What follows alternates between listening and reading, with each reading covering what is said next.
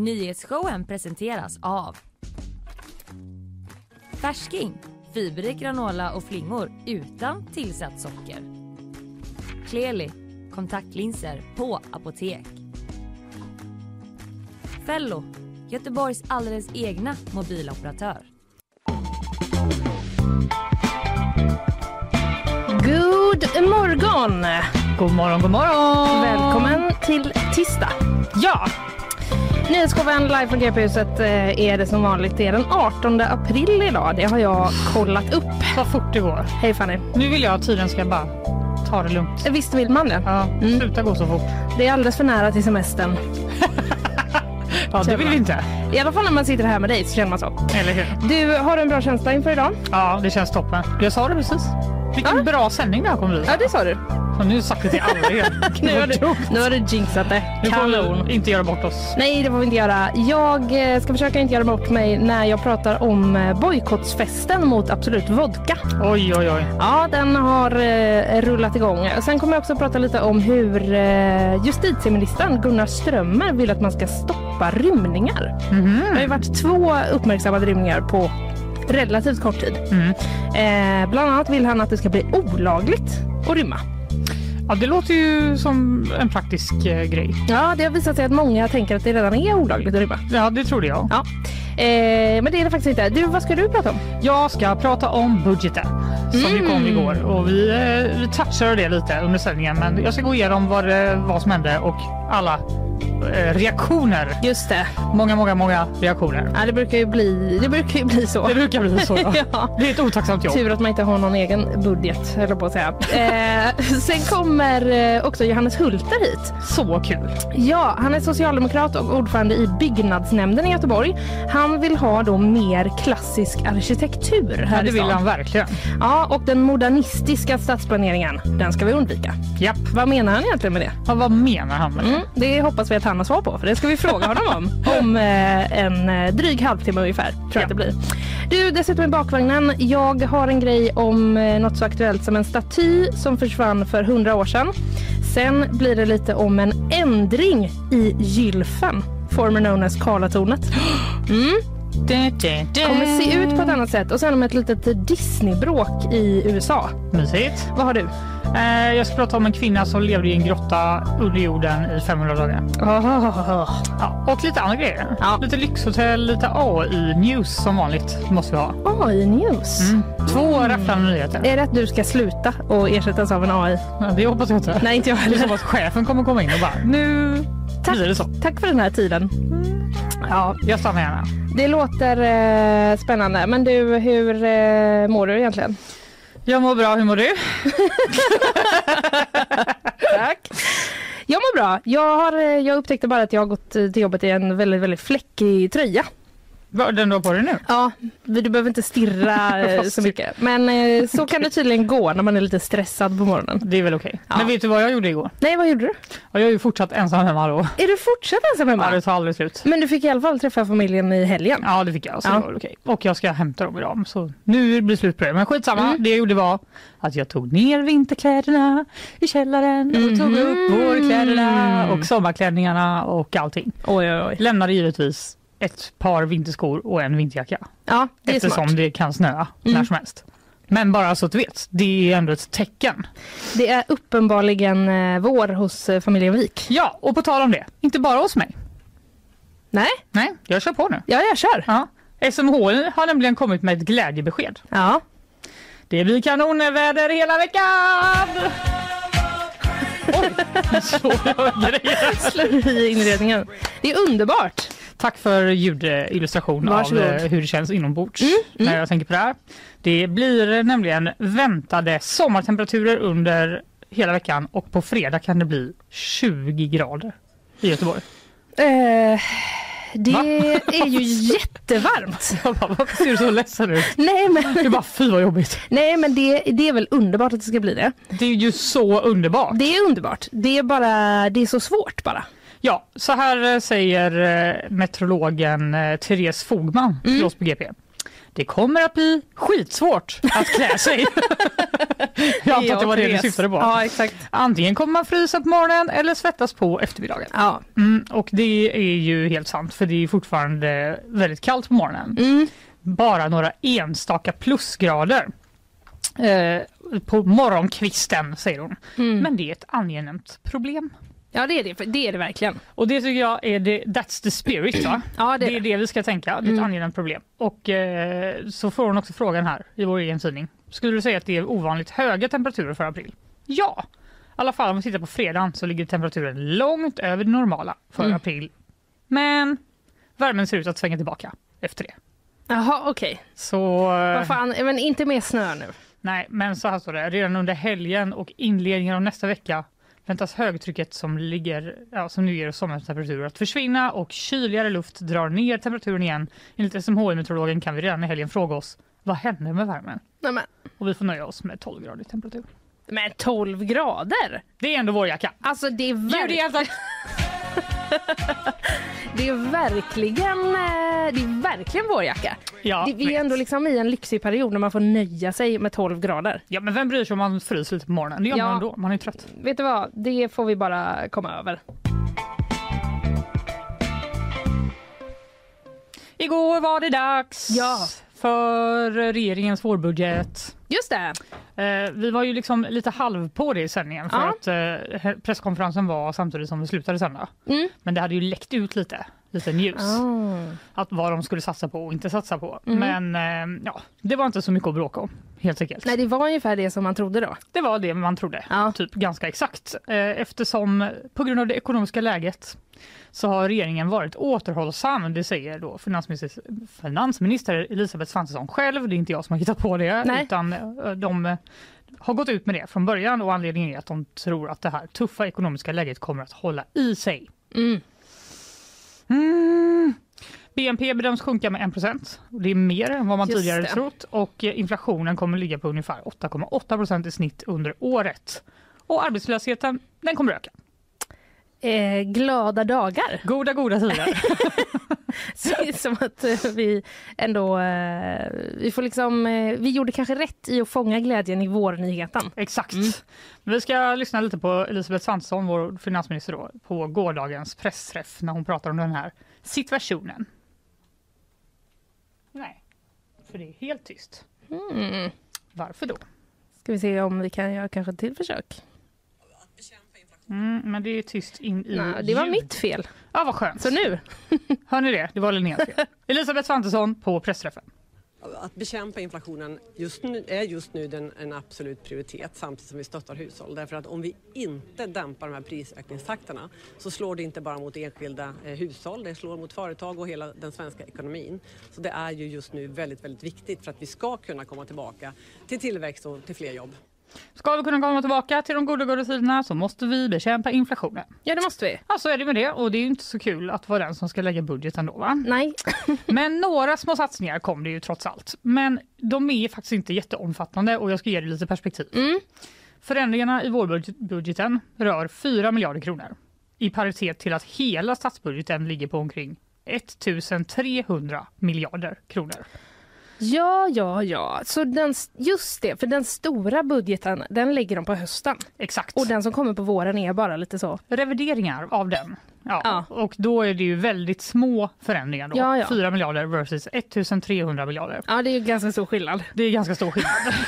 Men det är ändå lite pengar. Ja. Och vem får de då? Ja, Försvaret, försvaret. mm. Mm. vuxenutbildningarna, det ska Jaha. bli lite fler platser i yrkesutbildningarna. Mhm. Och så ska man förlänga och också höja det tillfälliga bostadsbidraget för barnfamiljer från 25 till 40 procent. Mhm. Som man nu kan söka om man är drabbad, extra drabbad av Ja, det ja, ja, dåliga ekonomiska läget. Även Kriminalvården, Säpo och Arbetsförmedlingen ska få sig en liten slant. Eh, Men en väldigt viktig fråga för Moderaterna, Mm. som vi alla vet, är ju arbetslinjen. Just det. Eh, Med stramare bidrag och sänkt inkomstskatt. Det har ju de drivit eh, hårt i valrörelsen. Mm. Eh, men där kom det inga direkta besked från Elisabeth Svantesson här i Sveriges Radio. Vi kommer också sänka skatt på arbete under mandatperioden. Eh, viktigt för löntagarna men också för att göra det mer lönsamt att arbeta. Tittar man framåt, pratar vi 2025, 2026, När det gäller sänkta skatter så är vi överens om det i, i Tidöavtalet. Så får vi följa nu utvecklingen. Rätt sak i rätt tid. Ja, okej. De är överens om det, men det är väldigt oklart när Ja. och eh, var, ja, man, var sak har sin tid. Va? Mm. Och de är överens om det i Tidöavtalet säger hon, men hon har fått mothugg från SD. Aha. Deras ekonomisk-politiska talesperson Oskar Sjöstedt säger till TT att de tycker det är mycket viktigare att sänka skatten på bensin och diesel. Ja, faktiskt till och med på el än att sänka skatten på arbete. Jaha, Och det kommer de lägga in förslag för nästa budget, okej. som säger. Ja. Mm. Men du, vad tyckte oppositionen om den här budgeten då? ja, De jag tyckte att den var piss? piss och kass. Piss och kass. Och Mm. nu så citerar jag. Regeringen agerar farligt handlingsförlamat. Det säger Centerpartiets ekonomisk-politiska talesperson Martin Ådahl. Mm. Chockerande passiv. Ja, Mhm. det tyckte Vänsterpartiets ekonomisk-politiska talesperson Ali Esbati. Ja. Innehållet i budgeten, det är en katastrof. Oj, Det tyckte Miljöpartiets språkrör Marta Stenevi. ja okej. Så det var ju hårda... Det var verkligen Hårda hårda, ord. Även eh, Socialdemokraternas ekonomisk-politiska talesperson. Mm. Det finns så många. Ja, det finns många. En i varje parti. Ja, ja. Jobbigt ord att säga. ja. Eh, Mikael Damberg, han var ju jättekritisk. Han säger Mhm. så här i Sveriges Radio. Han kallar faktiskt hela budgeten för en förlorad budget och säger så här. Den här budgeten blir det barnen som får ta smällen för krisen. Eh, Det är barnen som drabbas när föräldrarna inte får lönen att räcka till, eh, när de inte klarar av att betala hyra eller terminsavgiften. Och det är barnen som drabbas när skolorna tvingas säga upp lärare. Det är barnen som drabbas, säger han. Mm. Aj, aj, aj. För han hade velat se liksom mer satsningar på de här sakerna i budgeten då antar jag. Det, han, de vill se mer satsning på välfärden och, Ah. eh, och eh, åtgärder för här och nu. Mm. För till exempel då barnfamiljer som drabbas Ja, av okej. det ekonomiska läget. Mm. Och några andra som var lite ledsna igår, Mm. det var Sveriges regioner och kommuner. De får inga pengar alls i den här budgeten. Nähä. I alla fall inte i år då. Nej. Och du, de räknar med att de ska få ett budgetunderskott på 24 miljarder kronor eftersom eh, pengarna inte kommer räcka till. Ja, det är mycket pengar. Det är ju mycket pengar och en som reagerade väldigt starkt på detta var Helene Eliasson som är socialdemokrat och är regionstyrelsens ordförande här i Västra Götaland. Mm. Hon säger till P4 Göteborg att man lämnar sjukvården i fritt fall. Nu blir det istället inte bara en ekonomisk kris utan också en sjukvårdskris och det beklagar jag verkligen. Vi får längre köer nu och eh, vi har medarbetare som vi nu kanske heller inte kommer kunna ha kvar i den utsträckningen som vi behöver för att vi får helt enkelt inte ekonomin att gå ihop där den nationella nivån inte hjälper till. De får det inte att gå ihop. Nej, just det. Det har vi ju hört eh, också när Filip var över, kollega, pratade om situationen på Sahlgrenska. Precis. Det verkar jobbigt. Det verkar skitjobbigt Ja. och det är ju så att man nationellt hjälper till Mm. att eh, finansiera sjukvården då Mm. för regionerna. Så det, de känner väl att hallå, har inte ni hört Ja. att det går skitdåligt för oss ja. här? Men eh, det, Elisabeth Svantesson då, hon säger att vi vill inte höja statsbidraget till kommuner och regioner med tanke på att det kan spä på inflationen då. Mm. Inflationen, inflationen, inflationen. Ja.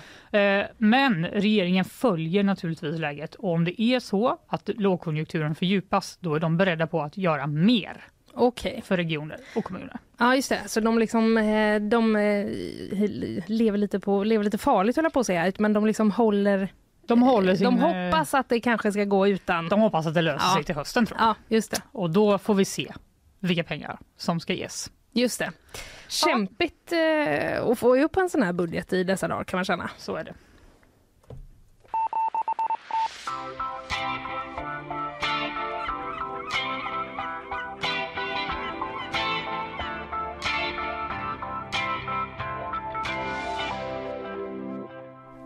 Nyhetssvep tar vi om en liten stund. Ja, Men eh, innan dess eh, våra sponsorer. Nyhetsshowen presenteras av Färsking, fiberrik granola och flingor utan tillsatt socker. Kleli, kontaktlinser på apotek. Fello, Göteborgs alldeles egna mobiloperatör.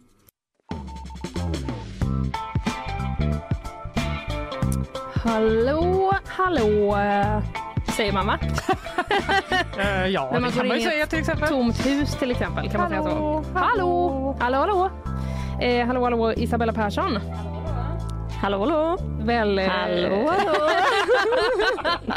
Det är också vad man säger när man inte har fått en mikrofon men någon tilltalar Vad bra det går för oss. Ja, men vi har lite tisdag, vi har lite gött. Hur har du det Isabella? Jo, jag har det bra, tack. Ja, vad skönt. Ja, jag har det mysigt. Mysigt till och med. Ja, Ja, sitta här toppen. i studion, hänga med er. Ja. Mycket bra. Du, eh, vi drar väl inte ut på det här. Vi kör ett eh, nyhetssvep. Det gör vi. En man i 25-årsåldern har i natt skjutits ihjäl i ett bostadsområde i Eskilstuna. Han hittades sent igår kväll skottskadad och fördes till sjukhus men hans liv gick inte att rädda. En person som också är i 25-årsåldern har anhållits misstänkt för mord. Den 32-åring som misstänks ligga bakom 13-åriga Filippas försvinnande häktas misstänkt för kidnappning och sexualbrott. Han ska också ha gjort vissa medgivanden, rapporterar flera medier. Polisen säger att det kan finnas ytterligare misstänkta på fri fot som kan ha koppling till försvinnandet. Men det har också höjts röster om att utreda 32-åringens koppling till ett annat mordfall på en 17-åring i Danmark som försvann 2016. 13-åriga Filippa som försvann i helgen hittades vid liv under söndagen efter en stor sökinsats. Över 150 000 statsanställda i Kanada kan gå ut i strejk imorgon. Det handlar om personal på ett 20-tal myndigheter och bland dem finns 30 000 på Kanadas skattemyndighet men även personer som jobbar med visum. Anledningen till den planerade strejken är att arbetsgivaren och fackförbundet inte nått framgångar i förhandlingar om lön och distansarbete. Igår kväll i samband med snooker-VM som spelas i England så hoppade en klimataktivist upp på biljardbordet och slängde ut ett orange pulver över sig. Vid bordet bredvid försökte en annan aktivist att kedja fast sig men misslyckades och båda iklädda tröjor med texten “Just Stop Oil” fördes bort av vakter. Matcherna fick avbrytas men kunde återupptas senare under kvällen. Jag såg en video på det där, han som hoppade upp på eh, ja, biljardbordet. Bordet, Det, ja. är, det är samma sak eller? Ja, vad är det Eh. för sport? Jag fattar inte. Jo, det är biljard. Vad hette det? Snooker. Snooker, snooker. Ja, coolare ord kanske bara. Ja. I alla fall, det var kollat ju... väldigt, alltså, jag gått mycket på Eurosport när man var liten. När man inte visste vad man skulle kolla på. Så, Ja. nej. Jag hade skogs-tv, jag såg Ja, aldrig det. nej. Men, eh, men det såg väldigt liksom, eh, det såg nästan ut som att han försökte göra liksom en cool photoshoot. Ni vet nu Mm. som man ser på Instagram ibland när de så kastar mjöl och så ska det se häftigt ut. Men det var liksom ingen som fotade typ, Alla bara... tänker mig. ja. Men han hade ett annat budskap, eh, det hade han och det Ja. får man väl ändå säga gick eh, fram. Han fick ju uppmärksamhet. Det fick han. Till och med Eh, här. Till och med här. Ja. Ja. nu får vi gå vidare från det här. Det ska inte bli något otillbörligt gynnande här inte. Nej, nej, nej. Eh, vi eh, ses sen igen Isabella. Det gör vi.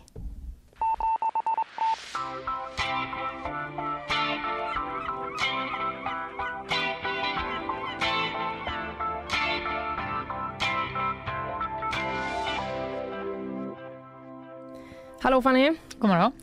Göteborgskrogar Japp. bojkottar Absolut Vodka. Nämen! Ja, efter att ägaren då Pernod Ricard återupptar sin export till Ryssland. Just det. Det var vi Citat- inne på. Ja, precis. Citat från eh, än så länge icke namngiven Göteborgskrögare. Vi supportar inte rövhål. Nej, Citat. men det var ju Kattis va? På, på haket. Ja, det var det. Varför skulle du inte Vilken cliffhanger! Nej, jag Nej, skojar. men, jag bara, jättekonstigt att inte säga hennes namn. Ja, jag, kom, jag, jag kommer säga det igen lite senare. Det var mer att jag ville ha en, liten, ville ha en liten cliffhanger. Förlåt. Eh, så här då i alla fall. Pernod Ricard som alltså äger Absolut Vodka. Mm. De eh, avbröt ju sin handel med Ryssland efter eh, den fullskaliga invasionen av Ukraina då, Mm. för lite mer än ett år sedan. Mm. Eh, men tidigare nu i april i år så gick de ut och sa att de skulle börja igen Mm. exportera till Ryssland. Det var ju lite speciellt. Det var lite speciellt. Någon eh, ställde frågan, vad är det som har gjort eh, vad är det som har ändrats? Liksom? Ja. Lite så bara för sig själv. Ja. Eh, men de kommenterade det i alla fall så här då till Kristianstadsbladet. Eh, inom ramen för de sanktioner som råder så levererar koncernen produkter i en utsträckning som kan skydda lokala medarbetare var tvungen att andas. Och Ja. säkra den lokala organisationens ekonomiska hållbarhet. Just det. Så motiverar de det. Så eh, alltså skydda lokala med- medarbetare och säkra eh, den ekonomiska hållbarheten. Det är därför. Mm. Mm, det blev kraftiga reaktioner från eh, politikerna. Mm. Här kommer några. Eh, Anders Ygeman, Socialdemokraterna, twittrade Absolut Putin. Mm. Mm. det var som att jag kände att jag ville be dig sätta poäng på dem. Men det ska du inte göra. Jag bara läser dem istället. Ja, okej. Joar Forsell. Han är eh, riksdagsledamot för eh, Liberalerna. Just nu föräldraledig. Har Jaha. jag sett. Mm. Eh, han skriver så här. Det är sinnessjukt att någon handel med Ryssland överhuvudtaget tillåts. Ja, okej. Gustav Göthberg, eh, också riksdagsledamot, men för Moderaterna, citat, exempellöst ryggradslöst. Mm. Björn Söder, SD, skäms! Sluta köp Absolut Vodka. Ja, okej. Hårda ord. Eh, till sist då, eh, statsministern Ulf Kristersson. Eh, han säger så här. Jag tror att väldigt många konsumenter tycker att det är ett väldigt konstigt agerande. Jag blev rätt förvånad av detta. Ja, lite mer lågmält. Lite mer samlat Mm, kan man säga. mm, Det, mm. kanske är, det kanske blir så när man är statsminister. Ja, man, måste, man är illa tvungen. Ja, han tillägger också då att eh, företaget eh, inte bryter mot något förbud men att varje enskilt företag har ett stort ansvar och att europeiska konsumenter förväntar sig att man tar det ansvaret. Säger han. Ja, Ja. Eh, kan man väl säga. ja, och nu har det då börjat eh, hända grejer. Händer det grejer? Nu händer det grejer. Vad händer? Skövde öl och whiskymässa Ja. har vi aldrig pratat om tidigare va? Nej. Nej, men de gick ut eh, med att de bojkottar Absolut Vodka. Jaså? Ja. De hörde av sig till, eh, till dem och sa det här avtalet som vi har, det vill vi riva. Oj! Ja, det gick Absolut Vodka med på då. Och eh, sen då på öl och whiskymässan i Göteborg, Ja, där var det då Absolut Vodka själva som ställde in sin medverkan efter den här kritiken. okej, de kände vi orkar inte gå dit och få skäll av olika människor. Nej, jag tror det. Så kan det vara. Ja. Eh, och håll i dig nu. Regionmuseet i Kristianstad. Ja, Ja. De eh, meddelade då att de kommer inte längre servera Absolut Vodka som måltidsdryck i personalens lunchrum. Va? Skojar bara. Det, var, det tror jag inte de gör. drömarbetsplats. Ja, ja, Eller verkligen inte. eller verkligen inte. Jättejobbigt. Ja. Nej, men de ställer in eh, sommarens utställning som heter Fashion Cocktail. Nej, men. Ja, Ja, den lät ju sådär ändå om jag ska vara helt ärlig. ja, håll i dig. Det är kläder och modebilder ur Absolut Fashions samlingar. Mm, just det. Känner du till det? Ja, lite. Ja, jag kände inte till det alls, men Absolut Fashion är alltså då eh, absolut, det är my- mycket absolut jag säger idag. Ja, verkligen. Ja, men det är i alla fall, eh, precis, det är i alla fall Absolut Vodka, Vodkas satsning på mode. Mm. Och den inleddes då tydligen i februari 1988. Ja, innan vi fanns. Eh, det är helt korrekt. Mm. Mm. Eh, det var då tydligen eh, det var liksom en annons som gick i flera olika tidningar i USA med en bild på modellen Rachel Williams Mhm. klädd i en silvrig miniklänning Snyggt. designad av David Cameron. Aha. Och här har jag försökt googla då. Det, eh, han omnämns som designen David eh, Cameron, så jag Nej, tror det. inte att det är den brittiska politikern. Det hade varit kul om det var Eh. hans före detta karriär. Ja, visst. Alltså jag, blev, eh, jag tror inte att det är han, utan det är tydligen någon annan designer då. Eh, men klänningen ska i alla fall haft då absolut, eh, absolut loggan tryckt över bröstet. Men det, den här publicerades. bilden känner man ändå igen va? Ja, Den bilden på, vi kan lägga upp den på Instagram sen. ja, men det kan vi eventuellt göra. Eller så får man googla själv. Jag vet inte vad det är för rättighetstrubbel. Vi får kolla på det. Men så var det i alla fall. De ställde in hela den här utställningen som de skulle ha. Och eh, sen kom det också besked att krogkoncernen Svenska Brasserier, Mm. där bland annat då eh, Stockholmskrogarna Rish och Sturehof ingår, de slutar sälja Absolut Vodka. Ja, de eh, tar bojkotten ut även i den. Helt Precis, exakt. Mm. Och krogarna i Göteborg, de hakar också på. Mhm. Mm. Göteborgsfamiljen de plockar bort flaskorna från sina eh, restauranger. Detsamma gäller eh, bland annat då Bord 27, Oceanen och Paradiset. Mhm. För att nämna några. Eh, Nefertiti Mm. de säljer inga av eh, Pernod Ricards produkter men de har ändå gått ut på sin Instagram och sagt att de bojkottar företaget. Ja, Okej, Så det kanske är... konstigt. Ja, precis. Det kanske inte händer så mycket liksom, eh, rent faktiskt men de, de, De vill vill ändå vara med. vara med. De vill ändå vara med. Liksom. Ja. De bojkottar också.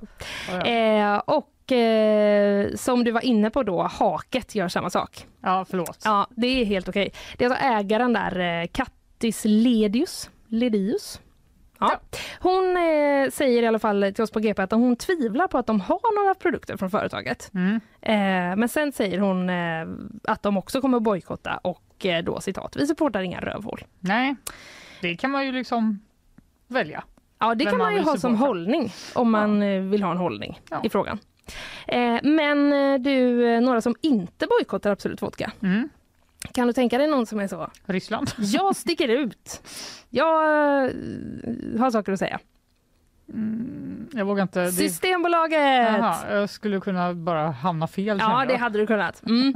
Men det är i alla fall systemet. Så ja, det, var, att, eh, det hade jag aldrig gissat. Nej, det försvinner från många krogar men på systemet är den kvar. Och Mm. det är då, eh, de hänvisar då på systemet helt enkelt till att det inte finns något eh, stöd i eh, inköpsavtalet för Mm. att avsluta försäljningen. Mm.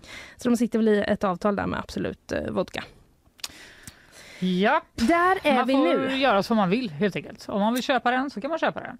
På systemet alltså. Ja precis, på Och annars kan systemet man kan man. Annars kanske man får ringa runt till olika barer innan och fråga om man är väldigt sugen just på den här eh, vodkan. Det kan vara ett tips eftersom den är lite mer sällan förekommande. Absolut.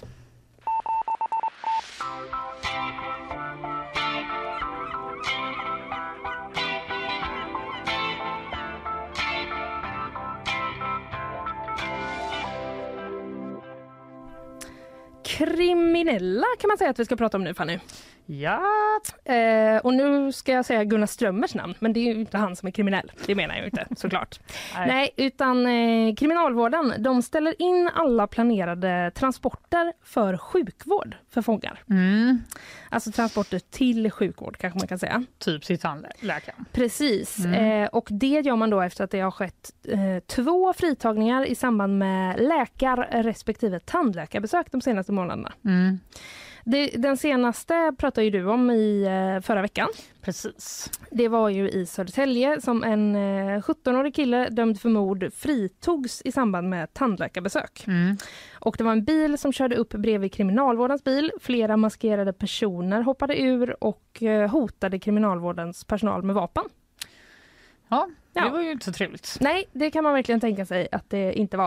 Eh, men de här maskerade personerna fick då med sig 17-åringen och eh, polisen har inte hittat honom än. Nej, han är fortfarande på rymmen. Precis, och internationellt efterlyst. Mm. Eh, och nu har då alltså Kriminalvården ställt in alla planerade transporter till sjukvård och det gör man ju för att det inte ska vara lika lätt att planera en fritagning. Nej, För man tänker sig att om du har ett inbokat tandläkarbesök, det brukar man ändå få brev om ganska långt innan. ja Tre, fyra precis. veckor, kanske till och med fem. Men jag menar, de behöver kanske inte veta det. Nej, Vad är det de ska göra istället? De kan ju inte bli dubbelbokade. nej du menar Det att, kanske räcker att någon, eh, någon liksom, som jobbar här Ja. vet det. att någon på Kriminalvården kommer helt plötsligt och säger nu ska du till tandläkaren. Ja, Ja. Bara ett, ett tips Det, från mig. kän- alltså, det hade varit ganska bra för mig personligen. Exakt, för då slipper man ju... på och ha ångest för Ja. det och, Ja. och så kanske verkligen vill borsta tänderna innan. ja, det vill man ju faktiskt. Men det kanske, är, det kanske är tio minuters förvarning så man hinner borsta tänderna. Ja, precis. Det vore väl rimligt. Jag har löst det här nu Gunnar. Ja. Du behöver. Du kan väl ringa honom sen bara och säga det, Ja, jag ska. Fanny. Mm. Eh, nej men så är det i alla fall. För om, om det finns då planering då kan man ju höra av sig Mm. till personer Mm. och meddela detta. Mm. Till exempel. Eh, igår träffade då justitieministern Gunnar Strömmer eh, Martin Holmgren som är kriminalvårdens generaldirektör. Mm. Och eh, det gjorde han just med bakgrund av de här rymningarna. Och han sa efteråt då, Gunnar Strömmer, att regeringen vill att kriminalvården ska utreda ifall de oftare ska använda sig av poliseskort vid transporter. Mhm. Ja, de kan behöva lite backup kanske. Ja, i nuläget är det ju så att de kan göra det om de liksom tycker att det behövs. Mm. Men kanske borde de göra det oftare. Mm. Och det ska kriminalvården nu då utreda. Eh, sen sa han också att säkerheten runt de här transporterna redan har höjts. Alltså sen Ja, i torsdags när den senaste skedde. Man har redan vidtagit vissa saker. Mm. Eh, men han sa också att det inte kommer räcka. Nej. Man behöver Okej. göra fler saker. Mm. Eh, så till exempel då håller man också på att utreda om man kan begränsa användningen av mobiltelefoner på eh, SIS-hem. Mhm. För där hamnar man ju om man är eh, brottsling, höll jag på att säga, och är eh, under 18. Mm. Måste det vara, va? Japp. Ja. Eh, och ehm, då vill de helt enkelt eh, se om man kan begränsa det på något sätt. För har man mobiltelefon är det ju ganska lätt att kommunicera med andra. Ja, det får man ändå säga. Ja, då skulle man ju till exempel kunna använda det till att säga jag ska till tandläkaren på fredag. Mm. Ja. Här ligger den. Med en, precis, inte bara som information kanske utan man kanske har en Bara, underliggande... grattis. Vad roligt för dig. Eh, Var noga med tandtråden ja, innan. exakt. Ja, nej men det ska man... Eh, det håller man på att utreda och man ska snabba på den utredningen lite. Så redan före sommaren eh, ska man nu komma med förslag på hur man kan göra. Ja.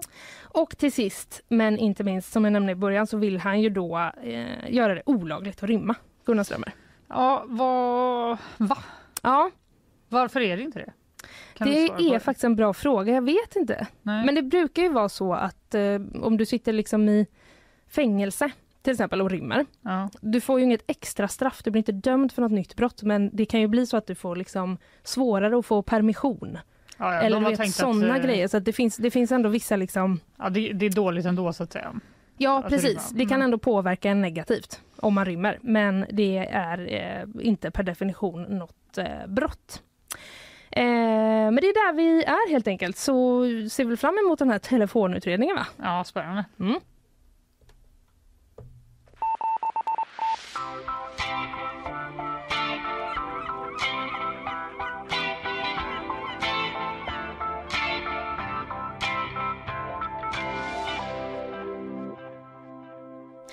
Sådär, eh, vi får snart in våran gäst. Det är Johannes Hulter som är eh, ordförande i eh, byggnadsnämnden höll jag på att säga. Var det fel eller sa jag rätt? Va? Undrar jag. Stads, stadsbyggnadsnämnden. Mm. Stadsbyggnadsnämnden, tack Fanny. Men det är ju samma sak. Ja precis. Vi släpper in honom snart men vi tar och lyssnar lite på våra sponsorer först. Det gör vi. Nyhetsshowen presenteras av Färsking fiberrik granola och flingor utan tillsatt socker. Kleli kontaktlinser på apotek. Fello Göteborgs alldeles egna mobiloperatör.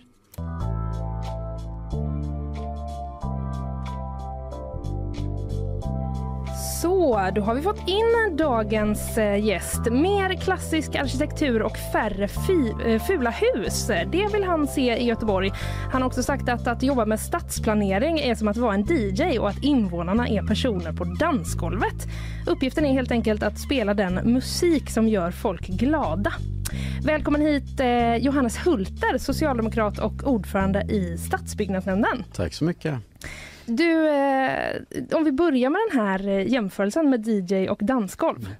Vad, och att uppgiften då är att, eh, att göra folk eh, glada. Hur liksom, ska man mäta det om folk blir glada av arkitektur? Ja, det har ju vad ska man säga, gjorts en del undersökningar så att det är mycket det vi baserar på så att man ser att där man kollar vad folk gillar helt enkelt och då ser man det.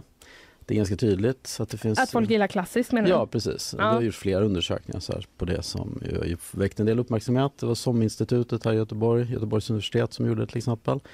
Eh, och sen SVT gjorde nyligen också en undersökning och så. så att det är, men det finns många sådana undersökningar. Eh, om man inte bara pratar med folk, för Mm. det är ju också ett bra sätt att ta reda på vad folk tycker. Mm. Ja, och det har du gjort. Ja, Och då säger de, vi älskar eh, gamla, gamla ser jag. vi hus. tycker precis som du Johannes. Ja, vilken slump. Ja, Står du precis. så på Gustav Adolfs Nej, torg men och det, jag, frågar kan säga, jag har hållit på med frågorna ganska länge och det här Mm. är någonting som, och det finns jättemycket stadsplanering och stadsbyggande som är jätteviktigt. Eh, hur vi bygger en stad som inte är segregerad och hur vi får mycket fler bostäder och många sådana saker. En stad som hänger ihop liksom, där det är levande bottenvåningar och så. Allt det är jätteviktigt. Men jag har också märkt när jag pratar om de frågorna så är det någonting som nästan många i alla fall tar upp och det är just varför är nya hus så fula? Och eh, jag har alltid blivit lite så här, ja, vad, vad är svaret egentligen? Mm. Tycker du Eh, också så? Ja, alltså, det, vad ska man säga, min, när jag är som politiker så ser jag inte att mitt uppdrag är att det, det jag tycker är fint, så att säga, att det är det som ska ut och det är det som ska byggas mer av.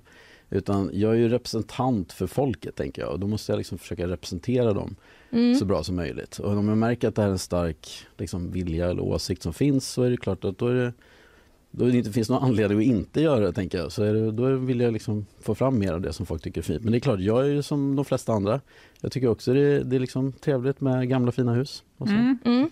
Men I en intervju med GP så sa du att problemet är att det verkar finnas ett informellt förbud mot att bygga klassiskt och vackert. Mm. Vad menar du med det? Ja, men det är att man, eh, det, jag märkte att det väcker mycket känslor, de här sakerna. Mm. Och de som inte jobbar med stadsbyggande och arkitektur blir jätteglada och tycker det är jättebra för det mesta. Alltså att vi vill ha mer av det här. Och sen så finns det någon som inte tycker det är bra då, utan tycker vi ska hålla oss borta från det här området så att säga. Och det är ju ofta arkitekter och andra som liksom jobbar professionellt med det. Och det kan jag ha respekt för att man vill ha det i fred och tycka att det är vi som kan det här och det är vi som ska göra det. Så jag förstår det, liksom så, den känslan. Men eh, vad heter det, ja, tyvärr då, eller hur man ska uttrycka det, så behöver vi tänka på vad folk vill ha och vad folk vill se. Och då blir det att vi får försöka trycka på lite grann så att folk blir glada och så. Det informella förbudet är ju det att det finns en väldigt stark uppfattning om att man, man inte ska göra pastischer som man kallar det då. Mhm. Det vill säga det ska, får inte efterlikna äldre bebyggelse. Då Mm. är det fel. Så det är arkitekterna själva som har satt det här informella förbudet enligt dig då? Ja, det kan man säga. Det är, i alla fall, jag vet inte riktigt var det kommer ifrån men det är den, en åsikt som finns liksom att det är fel att göra. Det får man ofta höra och det tror om man läser eller lyssnar så, här, så hör man den åsikten att nej men det ska vara samtida som man säger, det vill säga Mm. det ska spegla vår tid. Man ska inte ta gamla liksom, saker och, så att det ser gammalt ut till exempel. Så det är fel att göra så. Det finns en del sådana här informella förbud då, som man håller sig till. Mm. Och det jag gör är väl lite så här, bara fråga ja, varför inte om folk, om folk tycker det är fint så kan vi väl göra så. Men då, vad får du för liksom- svar då? Du... Eh, Det är ofta inga, jag tror man inte kanske har tänkt så mycket längre än att man har bestämt sig för att så här får man inte göra. Och sen någon säger, men varför, varför inte? Då, blir, ja, då finns det ofta inget svar. För jag, ofta det här med att det ska spegla samtiden till exempel tycker jag själv då är ett ganska konstigt argument. För det samtiden är ju vad vi gör den till så att säga. Om Mm. vi nu gör det här, då blir ju det samtiden. Mm. Och då speglar det samtiden. Så det är lite så konstiga nästan filosofiska argument som jag ibland har lite svårt att förstå. Ja. Men eh, är det här liksom, eh, är det här politikernas sak att bestämma hur eh, våra hus i, i stan ska se ut? Är inte det arkitekternas jobb? Nej, alltså det, jag skulle säga det är lite, det beror, vad ska man säga, skillnaden här är egentligen det som rör oss allihopa. Och då tänker jag när vi, våra offentliga gator och torg och så vidare, de tillhör faktiskt oss allihopa. Hur det ser ut där, väggarna, så att säga, fasaderna på, på husen är liksom väggarna i vårt offentliga rum. Och då spelar det faktiskt roll för oss allihopa hur de, det ser ut. Eh, och det är därför man inte får så att säga, bygga hur man vill, eller hur man ska uttrycka det. Mm. Eh, och det här är ju inget konstigt, utan vi har en väldigt stor, som många känner till, lagstiftning kring hur man får bygga. Där så att säga, politikerna lägger sig i massor med saker, hur högt det får vara eller du vet var det får vara och sådär. Det finns massor av regler kring Mm. det. Men just det här med Eh, stilen. Mm. Nej, jag- jag tänker mer att det är om det är en viktig fråga för människor, om det är något som påverkar oss när vi, när vi rör oss här, det, det är viktigt så är det liksom också en politisk fråga. Det är någonting vi bestämmer gemensamt hur vi vill att det ska vara. Eh, och som sagt, det är ju inget konstigt utan vilka färger man får använda på hus och mycket annat sånt där har man reglerat länge. Sen är det, tror jag där, just det här med stil är lite ovant så att säga då kanske att det har, det har liksom inte pratat så mycket om det. Mm. Men bland vad ska man säga, folk som inte jobbar professionellt med det utan som bara är tvungna att uppleva gator och torg som de ser ut så tror jag att det här har varit en diskussion länge. Mm. Eh, människor reagerar liksom, när de tycker att, att den stad de känner och älskar liksom, i, i, inte blir vackrare. Ja. Nej, vi har ju pratat mycket om detta också i det Ja, här vi har pratat programmet. mycket om olika hus. Det är, ja, det är olika hus som ploppar upp och det är mycket engagemang i Mm. frågan. Det känns som att det verkligen har exploderat, kanske i takt med att det byggs väldigt mycket i Mm. stan såklart. Mm. Men hur, det verkar verkligen vara en fråga som göteborgarna brinner för Mm. på oavsett vilket liksom, sida man står på. Mm. Hur märker du av det? Nej, det är ju, jag, som sagt, det är få frågor som man får så mycket reaktioner på. Och det är ju både naturligtvis att folk skriver men också när man, man är ute och pratar med folk och sådär. Ursäkta, lite torr i halsen bara. Ja, vi, ska, vad vi fixa lite vatten till dig. Men, eh, men, eh, nej, men så att när man möter människor och pratar med folk så, så, så märker man ju det att det är verkligen top of mind. Alltså det, det, är någonting. det är inte så konstigt egentligen kan man tycka. Det, det, det är någonting som är så otroligt påtagligt. Mm. Och när, Mm. när man ska liksom upp, upp på morgonen, och ta sig till jobbet, kanske lämna ungarna på förskolan eller vad man gör för någonting. Och så, man är ju i den här verkligheten. Det är ens Mm. egen fysiska verklighet. Mm. Så det är klart att man, och man orienterar sig i stan med hjälp av att titta på olika hus och olika miljöer och sånt där. Så vi är så beroende av den här miljön vi har runt omkring oss hela tiden. Och då är det klart att om det helt plötsligt dyker upp någonting som man tycker förstör, så att säga, eller tar ner den här vardagen. Mm. Eh, så är det klart att man reagerar jättestarkt på det. Så att det ja. Men att det ser ut eh, så som det gör eh, nu, tänker jag. Vi, har, vi är ju ändå där då som, som du nämnde. Du sa också i en intervju med SVT att stan blir fulare och fulare för varje, varje nytt hus som kommer. Vad, Hårt ändå. ja, Hårt. precis. Men vad, vad är det som har gjort att vi har hamnat där? Har vi, tycker du att arkitekter har haft för mycket makt själva att bestämma? Jag tror att det jag tror att det är så att, uh, jag har funderat mycket på det. Mm. Och det jag tänker är mer så att det, det är den där att bli ful och ful och för ett hus. Det är nog mer att jag märkt att människor förväntar sig att de ska bli besvikna när det byggs något nytt hus. Mm. Så. Sen är ju smaken subjektiv, så man tycker vi olika. Det finns säkert de som tycker att de nya husen är jättefina. Så, det finns också säkert. Jag har bara märkt att det är en så stor del av befolkningen som är missnöjda varje gång det byggs ett nytt hus. Och mm. blir lyckliga de fåtal gånger som huset, de tycker huset är fint. Då. Mm. Men vad det beror på är, skulle jag säga, det är nog en olycklig kombination av att eh, jag ska inte säga att det är arkitekternas fel. De har ju inte alltid, de har liksom en viss påverkan på, på hur det ska se ut och sen så är det mycket ekonomi och annat som styr. Liksom så. Jag tror så mycket tyvärr i stadsbyggande att man, det är spårbundet. Man börjar göra en sak och då, då liksom fortsätter man göra det. Mm. Och, och, så fortsätter man fortsätter man så blir det svårare att liksom lämna det här inslagna spåret. Sen tror jag också, det som förändrat väldigt mycket är, om, är ju internet. tror jag. Mm. Därför att förut kunde man liksom bara göra en grej och så sa lev med det ungefär. Mm. mm. Nu så kommer reaktioner hela tiden. Det kommer, det är liksom, och folk organiserar sig på internet och säger till och lyfter det här och det finns en ventil man ska säga för liksom folkligt missnöje. Eh, så, som, så att det blir liksom reaktion, det syns och hörs. Liksom. Annars var någon tvungen att sitta och skriva ändå en insändare till GP till exempel. Mm. Och, och liksom, så. Nu blir det mycket större reaktioner ofta eh, på sånt här som påverkar människor i vardagen. Så det tror jag är en, en anledning till att det också håller på att förändras nu. Då. Men är inte vi människor väldigt dåliga på förändring då? Det, ja. det räcker ju typ att man byter så en programledare i radio så blir det så ramaskri. Alltså vi gillar, det tar ju oftast en liten stund.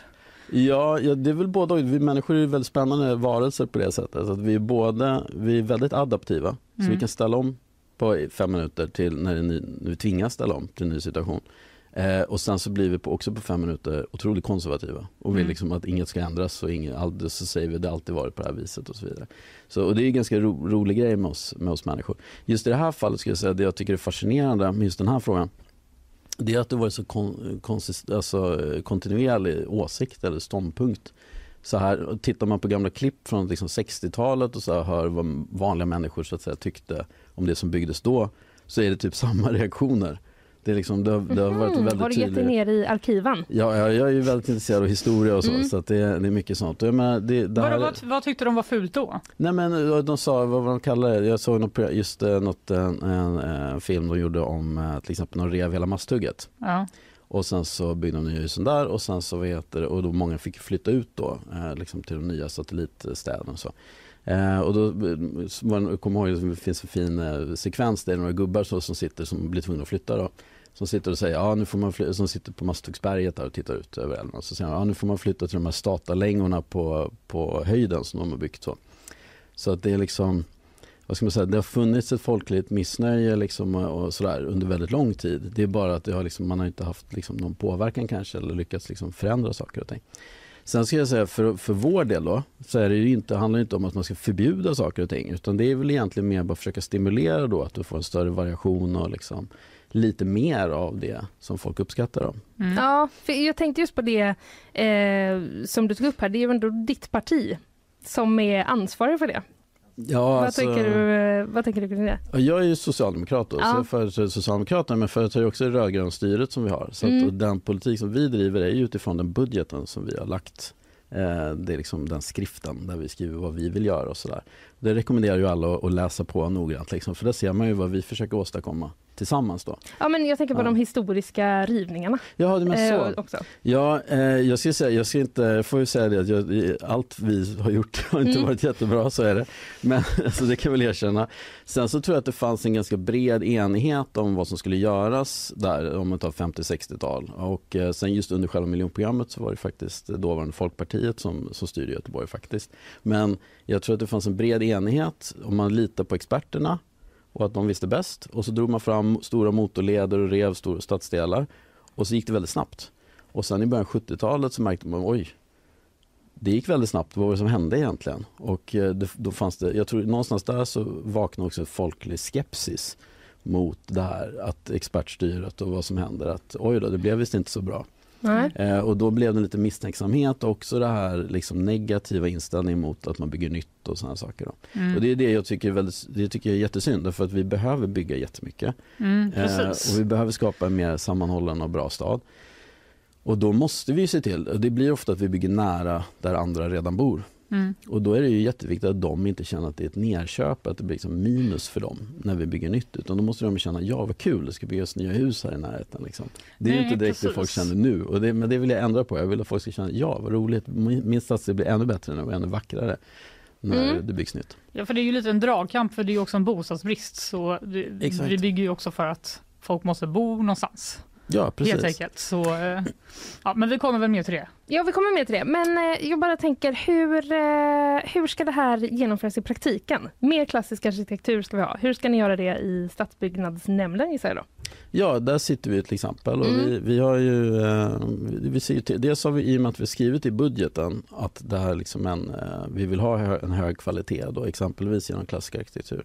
Så är ju det, det är ju en, liksom en, jag ska inte säga, ett uppdrag då blir det, som där vi säger till våra tjänstemän som arbetar med de här sakerna att det är det som ska premieras. Mm. Så att, och det tycker jag man börjar märka också att det sker en omsvängning. Bara genom att vi har varit väldigt tydliga med det här så märker man att, för som sagt det är ju byggindustrin själv ofta som är den som har makten över de här frågorna.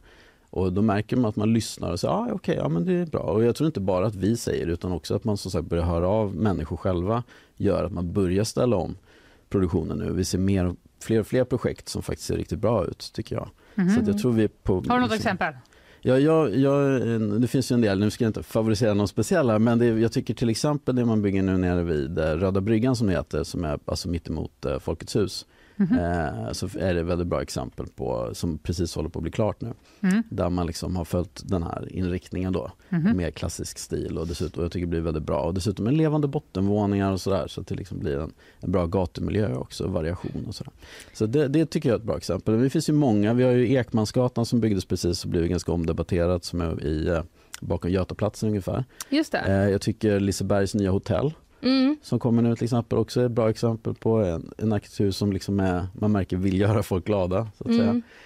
Eh, så det, det är också ett bra exempel. Eh, Men- ja, det finns mycket. Men det är liksom, det ska, ni ska uppnå det här genom eh, lite förändrade direktiv till tjänstemännen som, som sköter byggloven helt enkelt. Ja, kan man säga, men en ty- också en tydlighet, inte bara mot tjänstemännen utan också mot eh, industrin om man ska säga det. Och Det Mm. vill säga att ja, det här är det vi premierar och vi vill ha högre kvalitet på gestaltningen. Mm. Eh, vi kommer inte att släppa igenom saker som inte, som liksom inte ser bra ut eller som inte, där man inte har levt upp till det här. Sen måste, det betyder inte att allt måste se, likadant ut eller någonting så. Eh, man kan bygga många olika stilar. Men Mm. liksom att man lyfter sig lite grann och att man faktiskt försöker eh, ja, sådär. Ofta är det faktiskt inte, behöver inte vara dyrare, det är liksom inte mer komplicerat på det sättet. Man måste göra lite annorlunda, man kan inte ta de allra enklaste liksom, kanske, lösningarna som man är van vid. Liksom, utan man måste tänka till lite grann så, eh, innan man gör saker och ting. Ja, men för det här med att det blir dyrare, det är ju ofta det där man hamnar. Eh, till exempel har ju arkitekten Gert Wingård sagt att det går inte att bygga klassiskt utan att det blir väldigt mycket dyrare. Och han har till och med sagt att det är ganska orealistiskt att bygga så. Vad säger du om det? Ja, jag, jag vill inte ifrågasätta Gerts eh, kompetens så på det sättet men jag tror det är kanske lite begreppsförvirring där därför att, att bygga på samma sätt som man gjorde för hundra år sedan med det hantverket som man hade då, det skulle definitivt vara väldigt mycket dyrare. Det kan man göra också men det blir väldigt dyrt, det är mycket mer arbetstimmar och mer liksom så. Eh, men det är ju inte det vi menar att man måste göra, att man måste ha samma teknik som på 1800-talet. Det är inte det det handlar om. Utan det byggs i många moderna hus eh, idag. Majstångsgatan tycker jag är ett bra exempel i Majorna om man vill titta på ny landshövdingehusbebyggelse. Ja, Men precis. den, den byggs på, med samma moderna teknik som, som alla andra hus. Det är liksom Ja. inget, eh, inget speciellt med det. Men om vi tar just eh, eh, Majstångsgatan, vi kan säkert lägga ut en bild på vår Instagram sen så att eh, man kan, Folk hänger med. Folk hänger med. Mm, mm. Men eh, vad, vad är det som du tycker är, har blivit så bra just där? Ja, där har man ju försökt just plocka upp landshövdingehusstilen då. Eh, det vill säga en bottenvåning i, i sten, som man säger, tegel då och eh, liksom, eh, de våningarna ovanför då i trä. Men det betyder inte att man bygger dem på samma sätt tekniskt som man gjorde på 1800-talet och början av 1900-talet. Utan det är ju precis moderna hus, helt moderna hus inuti. Eh, liksom med de här skivmaterialen, eh, liksom sembritskivor och annat som man använder nu för tiden. Då. Eh, det är bara att man lägger då fasadtegel och så fasadträ liksom utanpå. Så det är fasaden egentligen Ja. som är det viktiga i eh, den här omsvängningen som ni vill göra? Ja precis, det är det, Mm. för det är det som är väggen, den offentliga väggen om man ska säga. Det är det människor ser när de passerar förbi. Så Mm. det, nu ska man säga att den moderna byggtekniken som jag pratar om har ju ganska många år på nacken nu också faktiskt. Man bygger ju liksom med betongkonstruktioner eller stålkonstruktioner. har man gjort väldigt länge nu, alltså väldigt, väldigt länge. Så att eh, man bygger inte bärande väggar i tegel och så vidare längre som man gjorde då för länge Mm. sedan. Så det här är ju inget konstigt så. Eh, det, och det har ju gjorts också, det, för jag tycker det finns bra exempel numera på hur man gör det här utan att det blir dyrt och så vidare. Ja, för jag tänker, är det inte ändå mycket dyrare att bygga liksom, tegel och trä än typ, säg betong? Jag tänker att eh, nyproduktion idag är ju ganska höga hyror på redan. Ja, nej, men och då, nej, det, det är inte dyrare. Och det, det är mycket annat som avgör vad liksom, den här kostnaden om man ska säga då. Eh, du kan bygga väldigt dyrt i betong också om Mm. du vill det. Det, det liksom, finns många lyxvillor man bygger i, bara i betong. Så det kan vara, den finishen kan vara jättedyr. Så att det, det beror på hur man hanterar det. Men det enda jag kan säga är bara att det görs idag. Så att det finns projekt vi kan peka på. De är inte dyrare. De, det, är liksom, det handlar mer om hur man arrangerar fasaderna. Man ska säga. Hur alltså fönstersättningen ser ut. Om fönstren ligger ner och står upp och den typen av grejer. Om det är sadeltak eller platta tak. Den typen av gestaltningssaker. Eh, så det, det, blir, det är inte kostnadsdrivande. Men det är klart, skulle man kräva att man byggde på samma sätt att det ska komma stenhuggare från Bohuslän liksom, med, så här, då, med granit så är det klart att då, då blir det ju En jobbigt. politisk fråga att driva. Ja, precis. det hade varit spännande. Men om vi tar, jag tänker bara så att eh, vi försöker göra det lite tydligt för lyssnarna eh, med Mm. liksom den här skillnaden då. Det, vi har ju många hus eh, som byggs just nu i Göteborg som har väckt lite debatt. Mm. Jag tänker om, om vi tar till exempel Våghuset vid Mm. Järntorget. Eh, det här svarta böljande känner folk kanske igen. Som vi debatterade igår. Alla Som vi pratade om igår, precis alla tyckte olika. Men Mm. hade det huset, eh, hade det huset inte liksom fått, fått godkänt med er politik? Ja, som, där är ju som sagt också en viktig sak för oss då, att vara väldigt tydliga med att det handlar inte om att förbjuda vissa stilar, att man får inte göra på ett visst sätt. Det vi sagt i budgeten tydligt det är att modernistisk stadsplanering Mm. som är just att man liksom skiljer ut funktion, alltså bostäder på ett ställe, arbetsplatser på ett annat och den typen av grejer. Eh, det, det ska vi undvika så mycket som möjligt. Mm. Sen när det gäller arkitekturen, gestaltning, då handlar det mer om att skapa variation så att vi får in variation. För problemet nu är inte att det finns olika stilar, det gör det. Problemet är att det, det blir bara en, en typ av grej. Det, det blir bara de här lådorna som folk har lite svårt för. Mm. Och det är det som vi tycker är, är dumt och tråkigt. Så att vi behöver liksom se till att vi får en större variation. Mm. Sen finns det de, eller Våghuset till exempel och många av de här nya husen som dykt upp. Det finns ju de som tycker de är fina och som liksom Jag. tycker det är roligt. Ja, precis. och det är väl eh, kul, eller det är väl Ja, bra. det är jättekul. Nej, men jag menar, det är väl bra Mm. att då är väl du glad.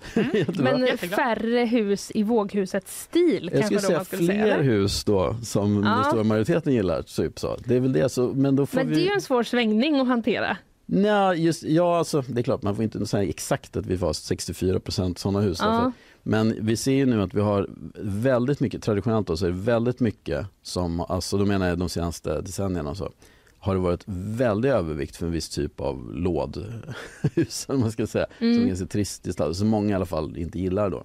Vissa gillar säkert dem också, men många är skeptiska. Liksom. Och då är, tänker vi så här, då får vi se till att det byggs mer av det här som saknas och som inte finns. Det betyder säkert inte att vi ska, man förbjuder andra saker, men i större utsträckning ska vi ha de här sakerna som Mm. uppskattas av den breda majoriteten. Men vill man då premiera det klassiska tänker jag, då måste ju något annat stå tillbaka. Ja, det- där får man också se lite, det är från när vi ger planbesked då. Mm. Alltså, det, det vill säga det är det första, jag kan säga det, det är liksom det första starten på ett projekt ofta då, i, rent från vår sida. Då. Eh, säger vi ja, det här kan vi sätta igång och planera.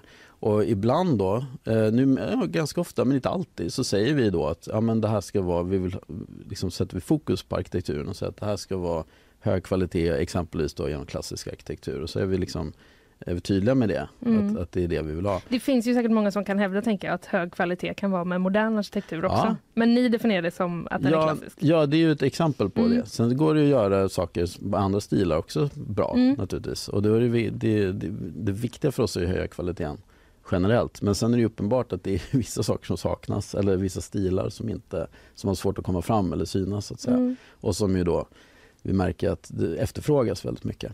Eh, sen tror jag, jag tror att det här är lite riktningsgivare från oss, från politikens sida.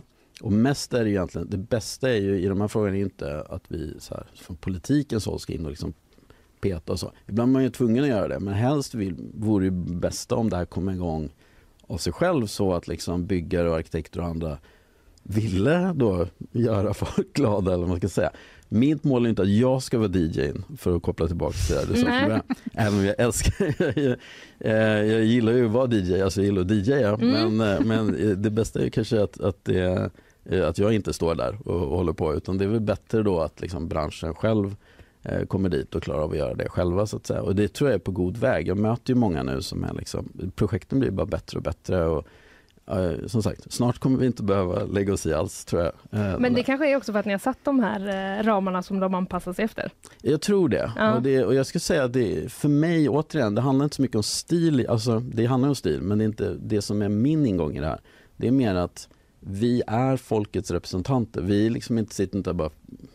Politik och demokrati handlar om att vi bestämmer saker. Vi människor, då, invånarna här i Göteborg, bestämmer saker tillsammans Mm. och känner att det är vi alla som bestämmer. Om det då är ett sånt här område där jättemånga är missnöjda och tycker att det inte är bra, då är det liksom ett problem, ett demokratiskt problem. Och då är jag intresserad av en demokra- mer demokratisk arkitektur, alltså en arkitektur som mer stämmer överens med vad, vad folk vill ha.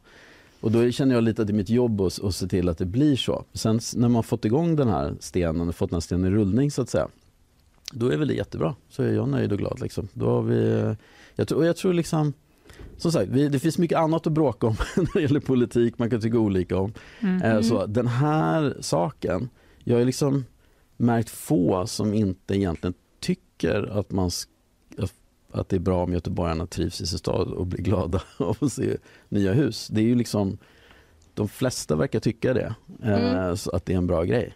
Eh, Så att, eh, jag, tror att, jag tror att vi har bra, vad säger man, de bästa, bästa tiderna framför oss när det gäller arkitekturen.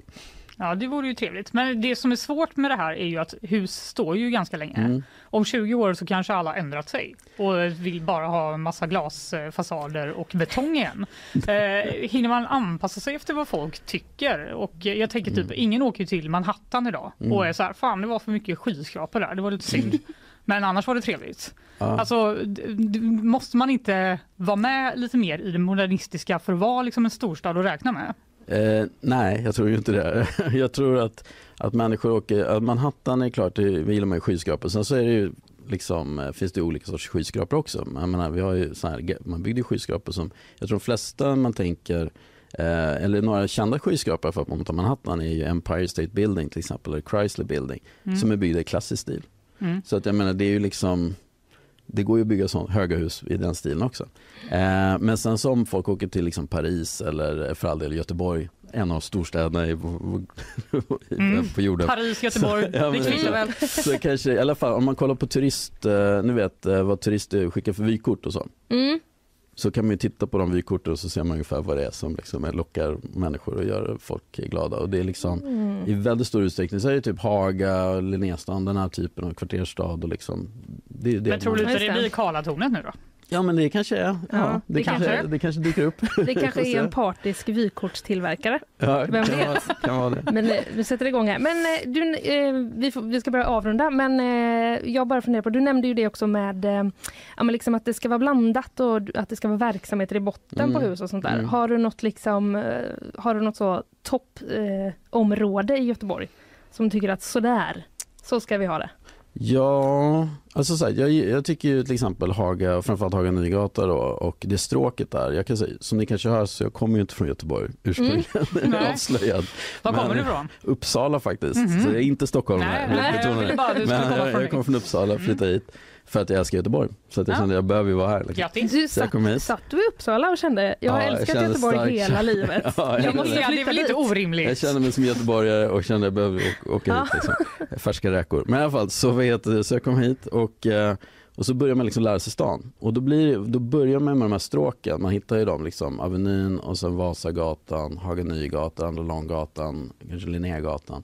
Det är de här stråken, och urbana stråken där det liksom finns levande bottenvåningar och saker som händer. Inte bara de stora kedjorna liksom, eh, så, utan även små, liksom, lite allt med hantverkare och lite allt möjligt. Den här mm. mixen. Liksom, så. Det är det som drar människor tror jag ofta till, till stor, större städer. Då. Storstäder som Paris och Göteborg och så, mm. metropoler. Mm, mm, Nej, men så, och det, är, det är de miljöerna som vi försöker skapa. Det är bara att vi har ju vant, återigen, där precis som arkitekturen, så har vant sig vid att den innerstad vi har på något sätt, det är bara den. Vi byggde klart allt det där för mm. hundra år sedan. Och sen har man bara byggt lådor ute i skogen ungefär. Och det, där, det där måste vi också bort ifrån. Vi behöver skapa de här levande bra stadsmiljöerna överallt. Och därför är det jätteviktigt, det är många som pratar om saker som händer inne i stan. Vi ser ju till att även om vi är i Hjällbo eller var som helst så ska vi liksom ha kvarterstad, lokaler i bottenvåningarna, skapa förutsättningar för det här liksom, eh, goda livet. Så. Mm. På alla ställen. Ja, vi kanske får bjuda in dig igen om några år. Så kan vi köra en... År, så kan vi köra en liksom, ja, men, jag blir inte yngre. Så det, får... Byggnader tar ju lång tid tänker jag. Sant, så kan vi se ja. vad det är för projekt som har, eh, som har startat och kanske färdigställt. Mm, Lagom till nästa valrörelse. Ja kanske. men möjligtvis. Säkert innan eh, dess. Men eh, Johannes Hulte, stort tack för att du eh, kom hit idag. Tack så mycket.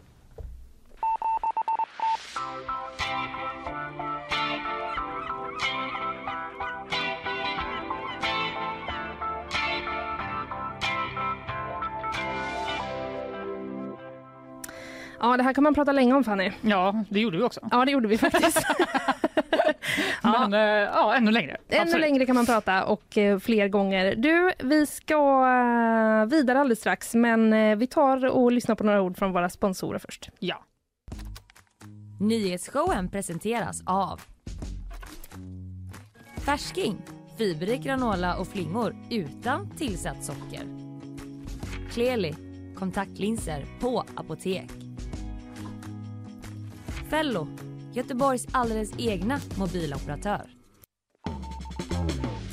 Ja, här sitter vi. Inte pratar vi om tjejgrejer utan vi lyssnar ju såklart på våra sponsorer. Ja, det Precis vi. som vi alla gjorde. Ja. Eh, Isabella Persson, ja, välkommen hej. tillbaka. Eh, Tack så mycket. du, vill du yttra någon åsikt om eh, något hus eh, som byggs i Göteborg eller vill du vara, vara, vara liksom neutral? jag har ingenting som på uppstuds nu men eh, jag eh, ifrågasätter lite det här att man ska ha en blandning och det klassiska. Jag förstod inte riktigt där vad han Nej. menar. Man vill inte förbjuda något men man vill också ha lite, ja, lite ja, man kanske inte kan det... få allt eller? Nej, kan man det? Jag vet inte riktigt. Johannes, kan du komma vi får väl se helt enkelt vad det blir för byggnader som kommer. Ja, det ska bli jag tycker att vi gör en liten sammanställning och så kan vi bjuda in Johannes igen och se hur det gick. Alltså jag tänker också så här att det här klassiska stilen handlar inte det såklart att det är fina byggnader men att det är mycket nostalgi så här var det förr Alltså att man mm. inte ger de, gam- de nya byggnaderna en chans tänker jag då. Att det om... Du tycker synd om dem? Du tycker de är lite mobbade de nya Nej byggnaderna? men alltså de kanske liksom får en revival. Ja men Sen ja, tänker jag att det finns någon nostalgivärde i liksom. Ja var tids byggnad. Jag är inte en expert men jag försöker bara... Nej, men, vet du vad, det är säkert någon som lyssnar som tänker exakt så. Ja. Mycket bra att du mm. förde upp eh, den personens mm. perspektiv. Mm. Eh, lite Bara en person? Eh, en enda person? De eventuella personernas perspektiv. Eh, du, vi tar och eh, kör eh, lite nyheter. Det gör vi. Ska vi se. Nu kör vi nyheter. Igår kväll ska en ung man rånats av två okända män som var beväpnade med kökskniv. Händelsen ska ha inträffat vid ett parkeringshus i Högsbo gärningspersonerna ska ha närmat sig mannen och tvingat till sig hans mobiltelefon. De ska sedan ha lämnat platsen och mannen ska ha klarat sig utan skador men ingen person har gripits. Den 32-åring som misstänks ligga bakom 13-åriga Filippas försvinnande häktas misstänkt för kidnappning och sexualbrott.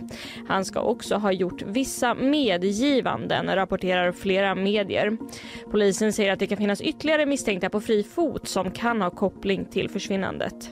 Men det har också höjts röster om att utreda 32-åringens koppling till ett annat mordfall på en 17-åring i Danmark som försvann 2016. 13-åriga Filippa som försvann i helgen hittades vid liv under söndagen efter en stor sökinsats. Vattenfall vill bygga ut vattenkraften. Detta rapporterar Sveriges Radio Ekot. Efterfrågan på el ökar och företaget har redan nu inlett flera förstudier för att kunna bygga ut kraftverken som finns i Umeälven och Luleälv. Men utbyggnaden kräver flera tillstånd och kan, om det skulle godkännas, tidigast vara i drift 2026. Ja, vad mycket energi vi behöver. Ja, Jag, det. man blir el. nästan slut av Du att tänka på det. trött Jag kan av det tänka- här. Jag kan tänka på det här rummet också med alla de här lamporna. Mycket Ja. el vi Ja, ja, behöver ja, för att ja, göra ja. en sändning varje Åh, dag. säg inte det. Nu får vi kritik, höll jag på att säga. Men eh, ja, Ja, men det är så kort. Det är så kort dag. tid. Mm. Det är LED ju. Herregud. Ja. Ja, Ja. inga problem. Men eh, el eh, behöver vi. Det har vi uppenbarligen brist på. ja. Mm. Något vi inte har brist på är ju eh, nyheter nu. Det har vi ju fått av dig Isabella. Tack. Ja, och mer kommer från er va? Mer kommer, det kommer lite smågött från oss här Nu kommer det. Lite ja, smågött. Nu kommer det. Ja. Nu kör vi hörni.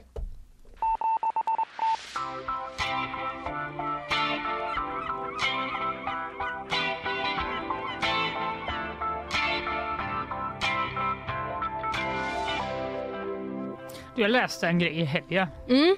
och så bara glömde jag ta upp den igår. Men jag, känner, jag tänker fortfarande på den så jag kommer ta upp den idag. Ja. Den handlar om Beatrice, 50 år. Ja. Levde i en grotta under jorden i 500 dagar. Ja, nej, men alltså det här, jag fattar inte. Det tog jättelång Jag såg den flimra förbi. Eh, läste bara lite grann, men det tog jättelång tid innan jag fattade att det, inte, att det var frivilligt. Jag vet, jag trodde också att hon Ja. hade trillat ner Ja, och ja, ingen märkte att hon var nej, där. nej, jag med. Men så var det inte och nu ska jag berätta hur det var. Ja. Det är alltså den spanska bergsbestigaren och extremsportaren Eh, eh, ja. Japp, Beatrice Flamini. Hon har genomfört ett speciellt experiment. Efter 500 dagar under jord så har hon dessu- dessutom sannolikt slagit rekordet för hur länge en person vistats ensam i en grotta. Det får väl ändå hoppas va? Varför vill... Alltså, nej, jag bara... Jag för, ja. Det var lördagen den 20 november 2021. 2021. Japp, tre månader före Rysslands invasion av Ukraina. Oh, som hon gud. firades ner 70 meter under jord i en grotta utanför Granada. I grottans mörker har hon sedan levt fram till i fredags när hon då eh, kom upp till markytan igen. Hon har fått utstå flugsvärmar, läst 60 böcker och stickat. Nej, men det räcker typ inte. alltså, Nej men det är fruktansvärt lång tid. Förstår du att hon inte visste hon, när hon kom upp så vet hon liksom inte om att det pågår ett krig. nej, det är ju helt otroligt. ja, det var ju typ... är helt otroligt. Ja. Jag hade typ knappt träffat dig för 500 dagar sedan. Nej, inte jag heller. Jag visste knappt att du fanns. alltså. Men nej men alltså eh, verkligen med 500 dagar. Jag menar jag, man tänker så här typ eh, två dagar i en grotta. Ah, inte ens det, men kanske så några timmar i en grotta skulle Så kunna vara lite dagar? spännande. Absolut inte. Nej men typ så några timmar, du kan bli vara lite så Oj, här är jag i grottan. Du kanske kommer på något smart eller du liksom eh, stänger, slappnar av lite. Du ser tveksam ut. Alltså jag får panik av eh, att tänka att man är liksom ner. Jag med. Alltså det är inte Jag typ att de är Ett så här, rum två med timmar fönster skulle jag kunna vara i några timmar. i din egen lägenhet. Där skulle man väl kunna vara några timmar själv. Ja. Men ensam i en grotta Nej. 70 meter under jorden. Och 500 dagar. Vad skulle du gjort? Stickat, läst 60 böcker. Nej, jag hade inte stickat. Jag hade, alltså, hade hon liksom tv-serier med sig ner eller? Nej det tror jag absolut inte. Nej, okej. Nej, då hade jag väl... hon väl inte eh, stickat och läst 60 böcker. Ja, hon kanske är en sån som gillar sånt. Jag hade, jo men vet du vad? Jag hade nog eh, börjat eh, bli bodybuilder. Ja, jag kan faktiskt läsa vad hon gjorde här. Ja, Jag ska också säga att den här vistelsen då har övervakats av forskare. Ja okej. från eh, universitetet där och de har, eh, de har liksom inte haft någon eh, integri- integritet tänkte jag säga. Nej, hon De har inte det. interagerat med henne Nej. eftersom hon, alltså hon har inte pratat med någon, Nej. är ju poängen. Nej. Och, och hon blev också undersökt av läkare och eh, psykiatriker när hon kom upp ur grottan då såklart. Mm. Utan eh, hon, eh, ja, hon höll en liten presskonferens. Mm. Någon hoppade upp. Hon sa jag förväntade mig att komma upp och ta en dusch. Jag trodde inte det skulle vara så här mycket intresse. Hon berättade att hon tappade sitt tidsbegrepp efter dag 65. Det är ju också mörkt här nere så hon kan ju inte heller få solljus och sådär. Nej men så kan man väl inte leva? Så kan man tydligen leva. Och på frågan om hur hon klarade av att hålla modet uppe så svarade hon att hon förberett sig väldigt mycket på det här. Hon sa att hon i perioder talade med sig själv och drabbades av ljudhallucinationer. Eh, För att eh, fördriva tiden läste hon böcker, stickade, ritade och skrev men var väldigt noga med att träna och hålla igång. Ja. Jag var vad jag ville vara men knepet var att leva här och nu. Jag lagar mat, jag ritar. Ja, du måste vara fokuserad, sa hon.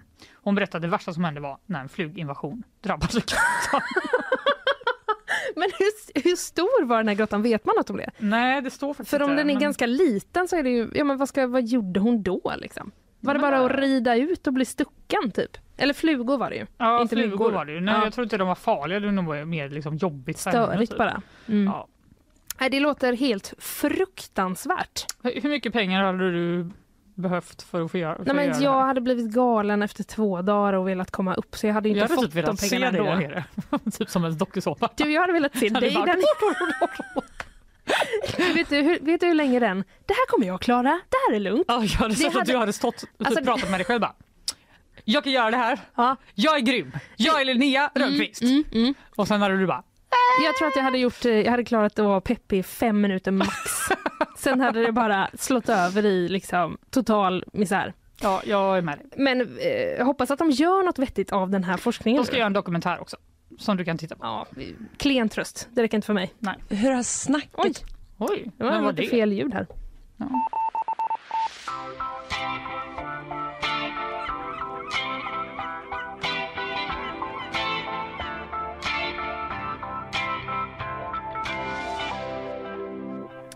Nu eh, ska det bli mysterium.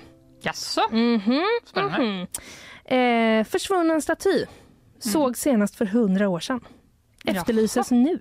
Nej men, Ja, var det någon som kom på det nu att den var borta? ja, jag tror att de eh, har kommit på det kanske tidigare men först eh, nu eh, går man ut Nu med var det en någon som bara, efterlysning. vänta, ska vi inte efterlysa den statyn?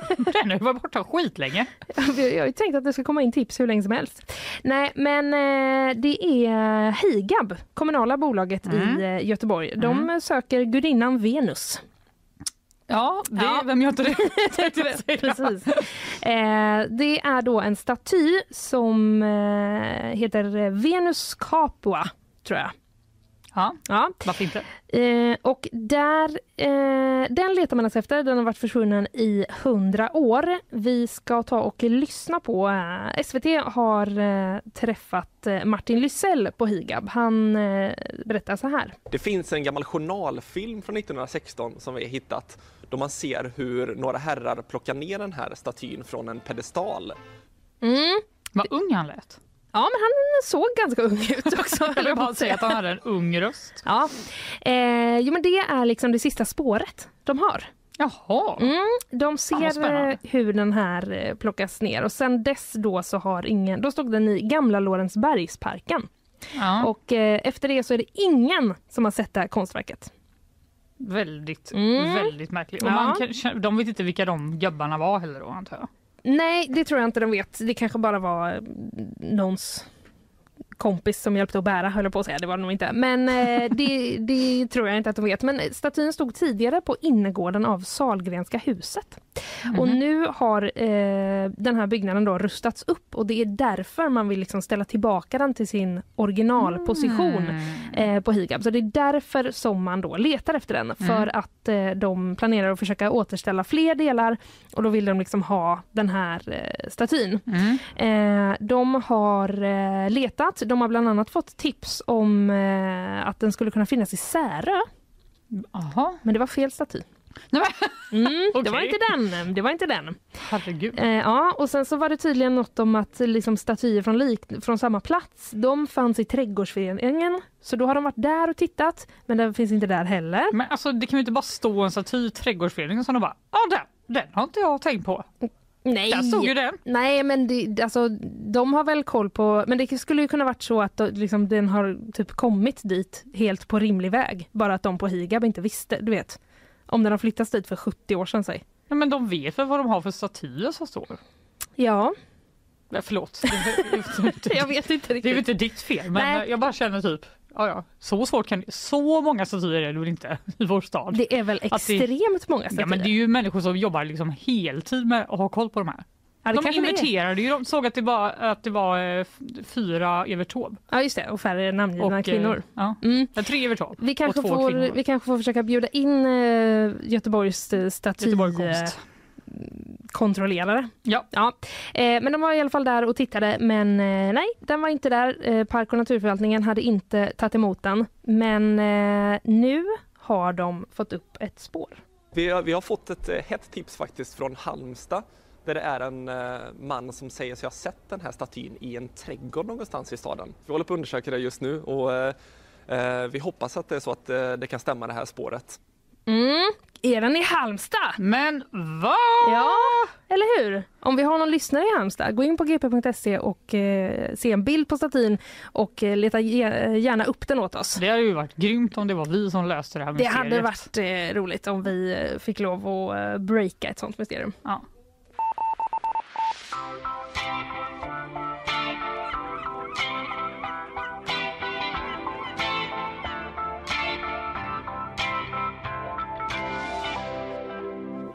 Den här två små breaking AI-nyheter som har kommit här på morgonen. Mm, AI-nytt med Fannevik. Japp, det första är att den tyska konstnären Boris Elddagsen, Okej. ja ja han heter det nu, Ja, ja. han ha- hade utsetts som vinnare av fotopriset Sony World Photography Award. Mm. Men han väljer nu att avstå utmärkelsen för att han hade skapat den vinnande bilden med hjälp av AI. Nej! Jo. Nej, och det, var blev- emot reglerna antar jag. Nej, men grejen är att han själv verkar vara en väldigt eh, laglydig, noggrann tysk. Ja. Han säger att eh, han medgav att den här vinnande bi- bilden inte hade tagits med hjälp av en kamera utan genererats av AI och han säger att han använde bilden som ett test för tävlingen för att skapa diskussion om Mhm. framtiden och fotografi. Mhm. Bilden som i svartvitt föreställer två kvinnor i olika åldrar bör inte betraktas som ett fotografi anser han. För det är olika saker. AI är inte ett fotografi och därför kommer inte att acceptera utmärkelsen, skriver han på sin egen hemsida. Mhm. Och eh, en talesperson för det priset säger att han hade på förhand medgett att AI delvis använts vid framställandet av bilden och att kategorin välkomnar experimentella tillvägagångssätt.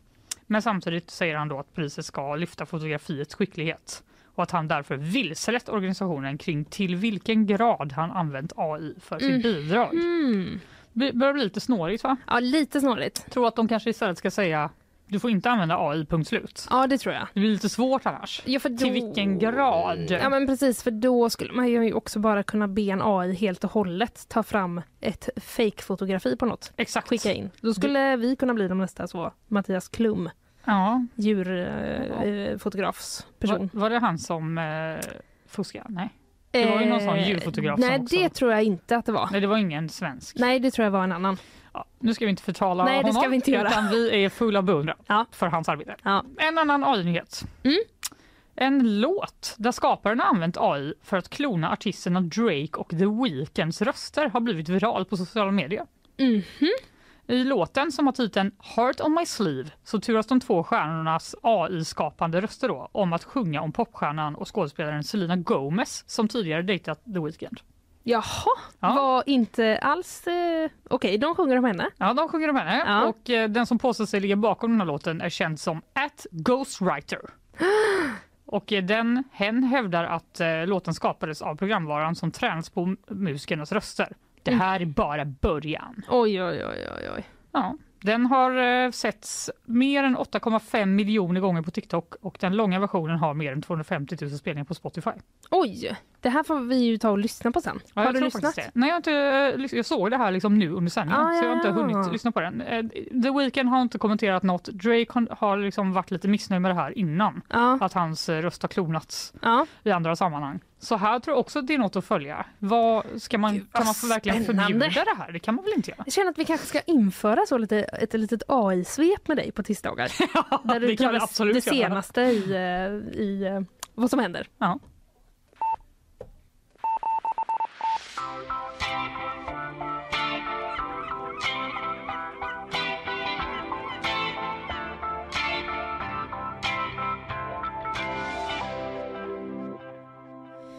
Du Fanny, Gylfen Ja, känner du till? ja, Former known as Karlatornet. ja. Eller egentligen officiellt kanske, men Nej, vi säger Gylfen. Den heter Gylfen. Ja, nu blir det ändringar. eh, Nu blir det nytt bygglov som krävs för Jaha. Karlatornet. Ja, det fick ju eh, sitt bygglov för eh, jättemånga år sedan, uppenbarligen innan de började bygga det, för det är ju så man gör. eh, men nu är det en ändring som ska göras Jaha. på våning 69.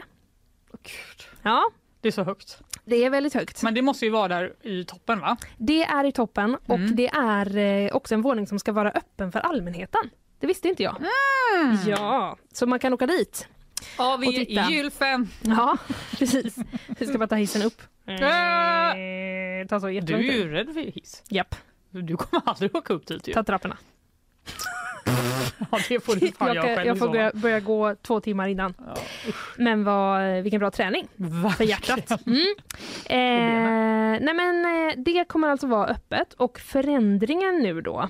Eh, de har bestämt att göra en liten förändring och det här är inget för den höjdrädde heller. Nej jag men sluta, jag jag får lite så. Ja, får du lite puls? Jag har ju en hög stol här va? Ja, det som är är att på, eh, på det här högsta planet då så ska det byggas eh, glaskuber Okej. som alltså sticker ut utanför resten av fasaden. Nej! Jo, så det kommer vara glasväggar, eh, glastak, glasgolv. Varför skulle någon människa vilja gå ut i en sån? Va? Typ alla killar som man säger så. Det Ja, men de inte vill inte det. Det kommer att vara jättepsykisk ohälsa bland killar som måste genomföra ja, det här. Ja, ja, För ja. att imponera på varandra. Ja. Töntiga killar, jag orkar inte. Jag säger, jag, jag vill inte det här. Jag hade också gått ut om du sa till mig, "Ja, du vågar inte, då hade jag gått ut. Men, eh, Mental ja. Carl Janssons värsta mardröm, säger han. Ja, vad bra. Mm, vi ska inte tvinga dig. Duktig karl. Nej, Eh, men, eh, men det- också fult eller? Låter skitfult. Ja, det vet jag inte. De, nej, eller? Ja, varför ska jag sticka ut en stor... Nej, men det ska inte vara så Blond stort. så. Alltså, så här, jag tror inte du kommer se det från, du kommer inte se det från marken knappt, tror jag. På, på ritningarna här som vi har i vår artikel på gp.se, då finns det, då finns det liksom ritningar över de här glaskuberna och det, jag tror det kommer inte vara så att det förändras jättemycket. Typ om man tittar härifrån på Karlatornet så kommer man inte se så stor skillnad, tror jag. Så Mm. tolkar jag det i alla fall. Men eh, de behöver ändå söka nya bygglov då för att de vill göra de här glaskuberna. De här Okej. läskighetsgrejerna. Grejerna. Liseberg, de kan, kommer bli utkonkurrerade. Ja. Usch, tror du inte att så här, om man väl går ut på den så, så kanske det kommer någon som också går ut och så börjar den personen hoppa Nej. typ, bara Nej. för att så skrämmas. ja, vi, får väl, eh, vi får väl se. Det ska bli två sådana här glaskuber eh, fan. i alla fall. Så att om du vill liksom eh, titta ut då så finns det en som eh, blickar mot älven och en som blickar mot Ramberget. Så det är de två hållen som du kommer kunna gå ut på det här glasgolvet på. Ah, ah. Vet du vad man också kan göra? Bara titta rakt ut genom fönstret. Det kan man Det också går också göra. jättebra. Ja, det kan man verkligen göra. Eh, utsiktsplatsen ska vara klar eh, sommaren 2024.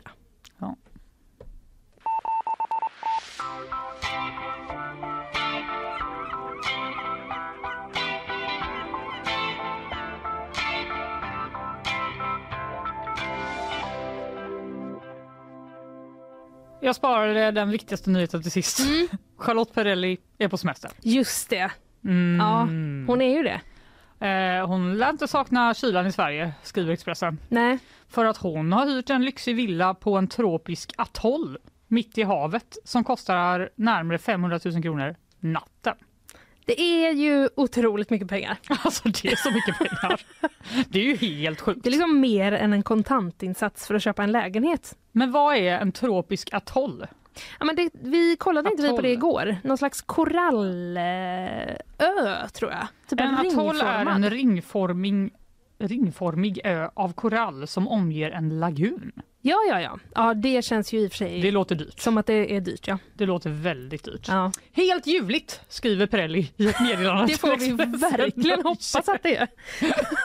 för de pengarna. Ja, det får man ändå säga. Ja, De är på Maldiverna.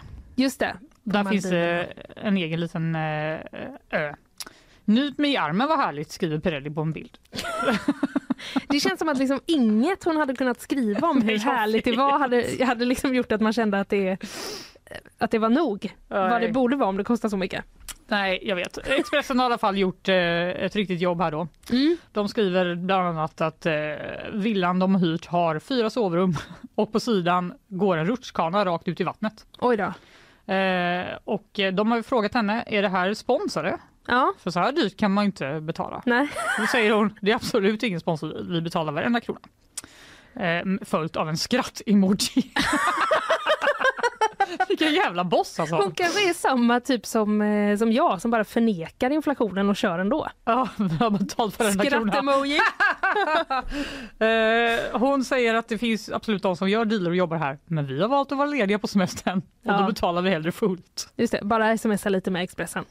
Japp, Men det kan man göra. det får man inga pengar för. Nej. Men eh, det är faktiskt någon som är lite extra glad för resan. Ja, vem är det? Charlotte Perrellis mamma. Det är därför de är där. Hon fick det i 70-årspresent. Nej men alltså det här vill jag ha i 70-årspresent. Grattis Charlotte Perrellis mamma. Mina icke-existerande barn. Att eh, det här vill jag ha i. Vilka krav. Vilka krav... eh, Det är långt tills dess. De Ja, har tid på sig. precis. Jag bjuder med dig om jag får det. Tack. Mm. Eller du kanske hellre vill vara hemma Nej! i vintern. Nej, Jag vill följa med. tänkte väl det. Helt ljuvligt. Tänk, Skratt-emoji. nypa sig i armen. ja. Det är vad jag säger varje morgon när du och jag kommer in här. Ja. Känner man, nej, nu får vi nypa oss i armen. Tänk att vi får vara här. Ja, det är otroligt. eh, Men nu är det slut för idag faktiskt. Ja, Vad har du pratat om idag Fanny? Ja, jag minns knappt, men vet du vad? Jag pratade faktiskt om budgeten Ja, och eh, vad den eh, innebar för, Mm. och vilka reaktioner som kom. Jättemånga reaktioner. väldigt många reaktioner var det. Eh, Jag pratade om eh, bojkottandet mot Absolut Vodka som bara pågår och pågår Ja, efter herregud. att eh, de börjar exportera till Ryssland igen. Och eh, sen gick vi också lite igenom eh, justitieminister Gunnar Strömmers eh, liksom, eh, tag för att stoppa rymningar. Det har ju varit två rymningar på ganska kort tid. Som Ja. vi pratade om. Ja. Mm, eh, sen hade vi också Johannes Hulter här. Vi pratade klassisk arkitektur. Ja, det gjorde vi verkligen. Ja, socialdemokrat och ordförande i byggnadsnämnden är han och han vill se mer klassisk arkitektur i eh, Göteborg. Hur ska de eh, få igenom detta? Mm. Bland annat pratar vi om. Och vad betyder det? Det var jätteintressant faktiskt. Det var det faktiskt, om, eh, Om vi man får får säga det själva. Ja, Ja. Det får man väl. Vem Det kan man, ja men precis, det kan man gå tillbaka och lyssna på om man är sugen. Annars är vi ju faktiskt också tillbaka imorgon igen. Japp. Tack för idag! Hej då!